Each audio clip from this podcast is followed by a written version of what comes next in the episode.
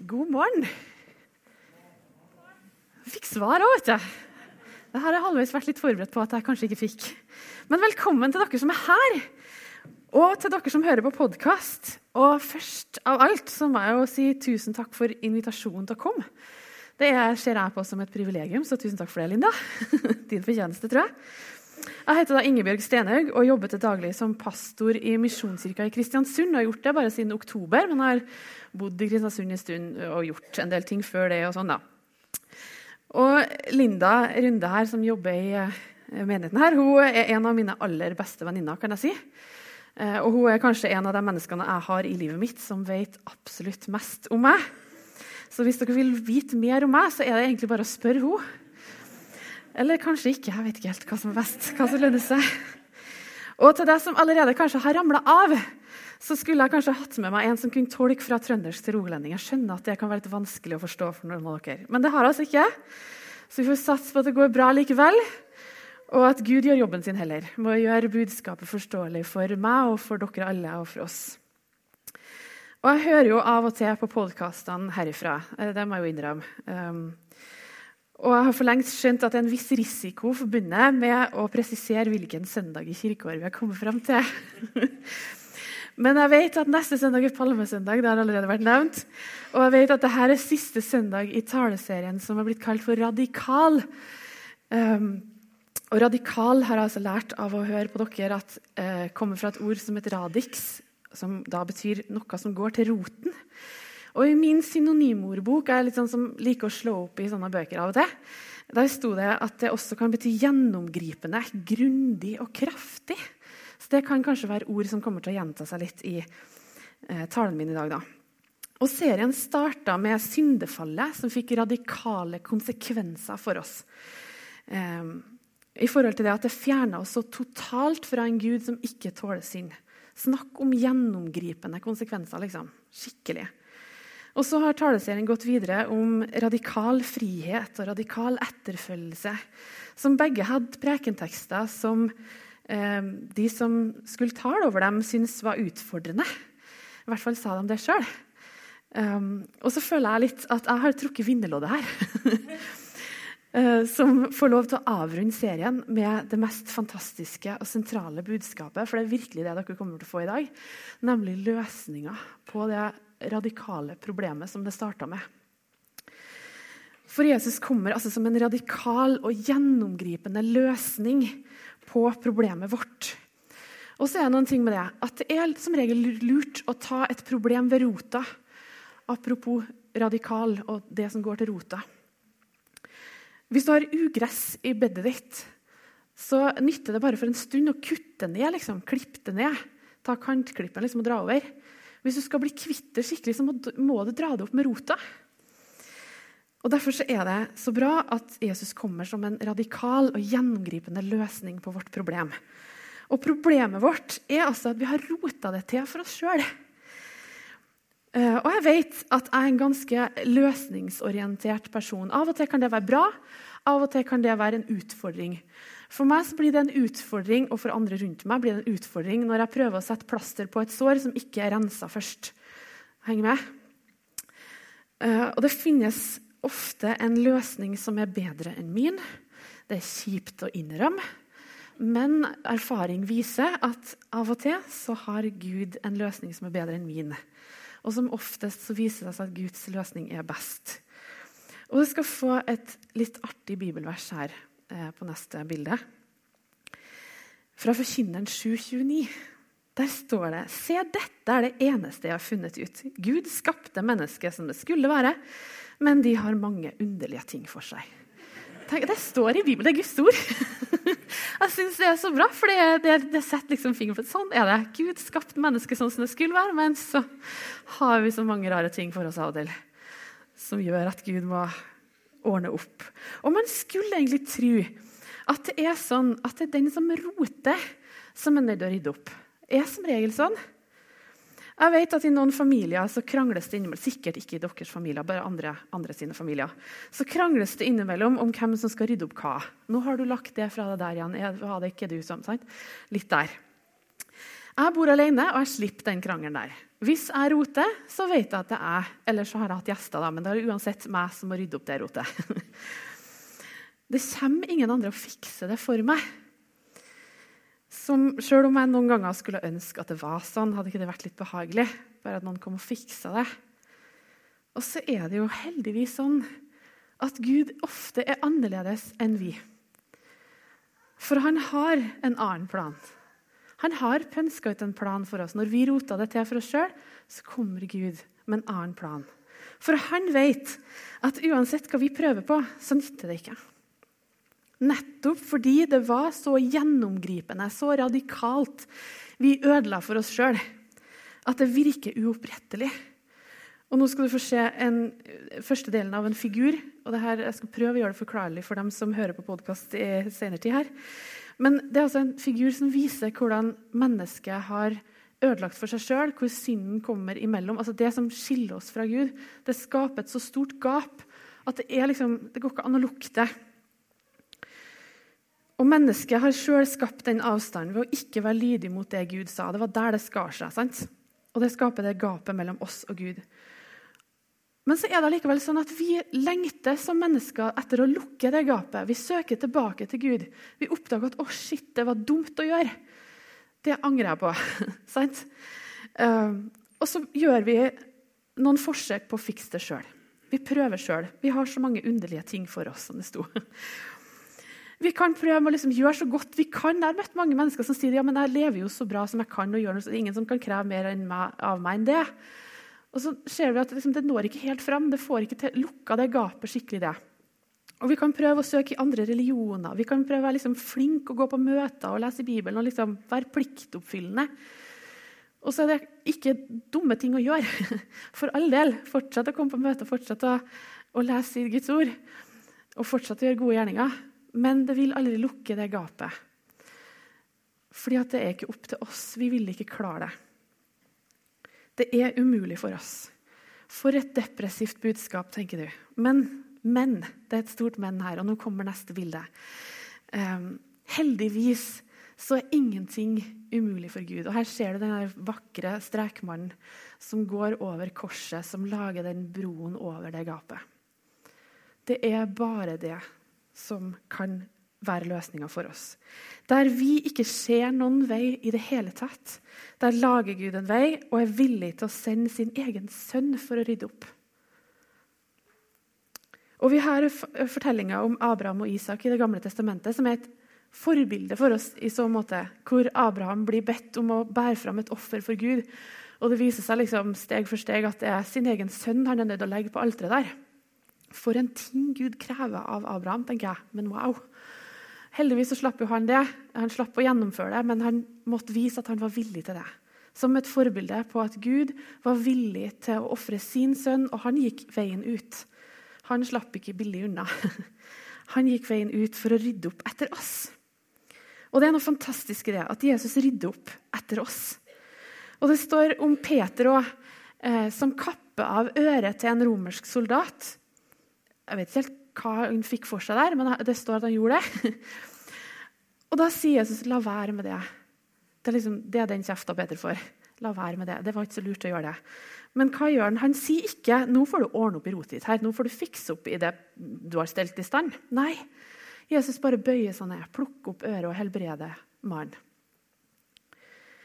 Altså Der Peter dummer seg ut, der ordner Jesus opp. Han tar over, liksom. Og på samme måte så kan jeg fortelle om, og sikkert flere her, om at Jesus også i dag rydder opp i vår rot. For mitt vedkommende så har Jesus rydda opp ganske heftig i mitt selvbilde bare i løpet av de siste månedene, faktisk. Jeg har vært ei lita jente som trodde at verden var et bedre sted uten henne. Jeg brukte å tenke sånn, Det var en tankegang som prega mitt liv veldig mye i små detaljer i de store linjene overalt. at det, liksom, det, er bedre om jeg ikke er her. Jeg er i veien. Jeg skulle ikke ha vært der. Det er bedre om jeg bare ikke sier noen ting. sant? Og Steg for steg så har liksom Gud jobba i meg og vist meg at vet du hva, det her selvbildet her, det er som en tung blykloss i ditt liv. Som det tar litt tid å få fart på, men, men stol på meg, sier Gud, at den skal vi få bort. Og steg for steg så kan jeg nå si at den er bort. Den er virkelig bort. Og den jenta som, som før trodde hun ikke var noen ting, og at verden var et bedre sted uten henne, den er bytta ut med vissheten om at vet du hva? jeg er ei jente som av og til føler seg lita, ja, men jeg er Guds jente. Jeg elsker av Gud, og jeg springer Jesus imot, og han springer meg imot, og så har vi det bare helt fint. Han elsker meg, og jeg klarer å elske han tilbake. Snakk om å rydde opp i mitt rot. Jeg er veldig veldig takknemlig for at jeg slapp å gjøre det sjøl. Og I teksten som ble lest i dag, da, for å gå litt tilbake til det, så sier Kaifas eh, Når de ikke visste hva de skulle gjøre med Jesus, da, som det er litt oppstyr rundt, så sier Kaifas dere skjønner jo ingenting. Det er litt som å være den storesøstera som jeg noen gang har vært. for jeg har en lillesøster. Det er litt sånn der, Å forstå ting som ikke hun skjønner, og si at ja, men 'skjønner ingenting', eller 'så treg du er'. og så sier Kaifas det da, at 'skjønner dere ingenting', liksom. Og han er kynisk. Fordi han tenker at det er bedre å få stoppa Jesus enn å la han fortsette. Vi stopper Jesus. Det er bedre at han dør, enn at hele folket senere dør. For hvis han får fortsette, så kan det hende at det blir et så stort opprør at det er flere som må miste livet. Da er det bedre at Jesus mister livet nå, og så sparer vi resten. Fordi Kaifas og fariseerne tenkte at det var Jesus som var problemet. Han var et politisk uroelement som måtte ryddes av veien. Derfor sier Kaifas det er jo bedre at én dør, enn at alle går til grunne. Og jeg vet at jeg kan være ufrivillig morsom av og til. Men jeg tror at Kaifas her, øverstepresten, kanskje var litt ufrivillig profetisk. Eh, fordi Jesus tok på seg skylden for noe han ikke har gjort. Noen kalte det en gang for verdens største justismord. Og det er det jo på et vis. Det fortelles ei historie fra andre verdenskrig eh, om noen krigsfanger som var ute og arbeida på en sånn jernbanebro. Eh, og Fangevokteren har opptelling av utstyret, og ved starten av dagen så oppdager han at det mangler en spade. Så Hvem er det som har tatt den spaden? Den skal skytes. Og ingen vil innrømme det her at de har stukket av med noen spade. Og Til slutt så sier fangevokteren ja, men hvis ingen vil innrømme det her, så da bare skyter alle. da. Og da er det en som tar steget fram. OK, det var jeg. Han blir skutt. Uh, livet går sin gang videre iblant uh, fangene der og fangevokteren. Og, men det som skjer, at ved slutten av dagen så gjøres det en ny opptelling, og det mangla ingen spade. Der var det altså en som var villig til å ta på seg skyld for at resten skulle spares. Han tenkte nok det samme. Det er bedre at jeg dør, enn at alle må dø. Og Det er en sterk historie fra virkeligheten. Men så tenker jeg at historien om Jesus den er enda sterkere. For han døde virkelig for alle. Og så står det videre om Kaifas at det her sa han ikke av seg sjøl, men fordi han var øversteprest. En øversteprest var innsatt for å lede presteskapet, og Gud talte ofte gjennom denne øverstepresten. Og En annen oppgave som øverstepresten hadde, var å en gang i året gå inn i det aller helligste, altså bak et forheng der Guds nærvær var, som bare øverstepresten fikk lov å gå inn en gang i året for å gjøre et offer for alle folkets synder. Um, og så står det når Jesus døde, så revna det forhenget i to. Og det var ikke noe sånn lite A4-ark som du liksom bare kan rive av. Det var et tjukt vevd teppe liksom, som revna fra øverst til nederst. Som en veldig sterk symbolsk handling om at Jesus har nå ofra en gang for alle, og nå er veien inn til Guds nærvær, inn i det aller helligste, den er åpen for alle. Og På den måten så forutsier altså Kaifas her at Jesus døde for deg og meg for å rydde opp i vår rot. Og I hebreerbrevet står det om en litt annen øverste prest. Siden vi har en stor øverste prest som har gått inn gjennom himlene, Jesus, Guds sønn, så la oss holde fast ved bekjennelsen. For vi har ikke en øverste prest som ikke kan lide med oss i vår svakhet men en som er prøvet i alt, på samme måte som vi, men uten synd. La oss derfor frimodig tre fram for nådens trone, så vi kan finne barmhjertighet og finne nåde som gir hjelp i rette tid. Hebrevet 4, vers 14-16. Det er en helt klar link her mellom øverstepresten, som forutsier hva Jesus dør for, og de her versene her om en annen øversteprest. Han som har gått inn gjennom himlene, han som gikk bana veien inn til det aller helligste. La oss holde fast ved bekjennelsen. Og så er det noe fint med det at denne øverstepresten han er ikke sånn at han ikke kan lide med oss. Det er ikke sånn at Selv om han var 100 Gud, så vet han ikke, da vet han ikke hva vi går gjennom. Det står det. At han kan lide med oss i vår svakhet. Han er prøva på alle måter, sånn som vi. Forskjellen er bare at han er uten synd. Og det var det som gjorde at han er den perfekte løsninga på vårt problem. Han var uten synd. Derfor kunne han gjøre opp for alle verdens synder. Han svikter aldri. Ikke da, og ikke nå. Det er noe fantastisk. Jeg har fortalt om, om hvordan Jesus rydder opp i mitt liv. Og så kan du tenke at ja, det, det er du, det. Men hvis han kan gjøre det for meg, tro meg, han kan gjøre det for deg. For han gjør ikke forskjell på folk. Og han svikter ikke. Ikke da og ikke nå. Vi kan ofte svikte. Jeg kan svikte. Jeg kan falle tilbake i gamle tankemønster, gammel tankegang. Men jeg vet at Gud har gitt meg en ny tankegang. Fordi om jeg er troløs, så er han trofast. Han står ved sitt. Om jeg fortsetter å rote, så kommer han på nytt og rydder.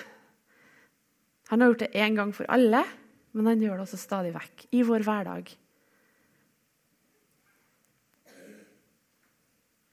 Og så står det da La oss derfor, på grunn av det han har gjort, på grunn av at vi har en øverste prest som kan lide med oss i vår svakhet, som forstår hva vi går igjennom Derfor kan vi frimodig står det. Og igjen så er jeg litt sånn OK, men hva betyr frimodig, da? Synonymer til det kan være tillit, altså med tillit, livfull og min favoritt som hjem. Og jeg vet at kanskje For noen av dere så har dere ikke et positivt, positive assosiasjoner til ordet hjem. Men når jeg tenker på at frimodig er som hjem, så tenker jeg på et godt hjem. Der vi er trygge, der vi tar av, for oss av det som er vårt. Vi gjør jo det. Der vi er hjem, så tar, altså vi forsyner oss, vi, vi føler oss trygge. Vi trenger ikke å unnskylde oss. Vi trenger ikke å være forsiktige. Og vi kjenner at vi hører til der. Det er et sånn hjem jeg snakker om. Og Det er også sånn vi kan tre fram for Gud, med frimodighet som hjem. Jeg syns det er helt fantastisk. Og så står det noen ting om nådens trone. Tre fram for nådens trone. Og hva er nåde igjen? Jo, det er nettopp det. At vi ikke får det vi fortjener den straffen, den, den adskillelsen fra Gud som vi egentlig har ordna opp i sjøl, det slipper vi. Det er nåde. Men ikke bare det. Samtidig så får vi også det vi ikke fortjener. Vi får fellesskap med Gud. Vi får gå inn i det aller helligste, inn i Guds nærvær, der han er, for å være sammen med han. Nåde er at en annen kommer og rydder opp i mitt rot. Vi får løsningen på problemet. Og Innenfor nådens trone så står det at vi finner barmhjertighet og nåde som gir hjelp i rette tid. Vi får hjelp. Av og til kan det være tungt for oss å innrømme at vi trenger hjelp. Men det er herlig når vi får det. Fordi vi trenger hjelp. Altså finner vi her, innenfor nådens trone, den radikale, gjennomgripende løsninga på det problemet som vi i utgangspunktet tenkte at åh, det synes jo helt umulig å løse. Der det ikke fantes en vei, der bana han en vei for oss. Inn til det aller helligste. Altså der Gud er, der hans nærvær er. Der kan vi tre frimodig inn, som om vi er hjemme. Vi hører til der. Vi er trygge der. Vi er elska der. Så velkommen inn dit. Jeg har lyst til å avslutte med å be en kort bønn. Takk, far, for at du var villig til å ofre din sønn for å rydde opp i vårt rot. En gang for alle, men samtidig også i vår hverdag, her og nå. Når vi kommer til kort, så kommer du og tar over. Hjelp oss til å leve et liv i takknemlighet over alt du har gjort for oss, og alt du fortsatt gjør. Takk for at du aldri svikter. Når vi er troløse, så er du fortsatt trofast. Takk for at du gjorde det mulig for oss en gang for alle å komme inn i det aller helligste. Inn i ditt nærvær, som om vi er hjem, der vi får kjenne at vi hører til. Lær oss å forstå hva det betyr for oss, der vi lever våre liv i dag. I Jesu navn. Amen.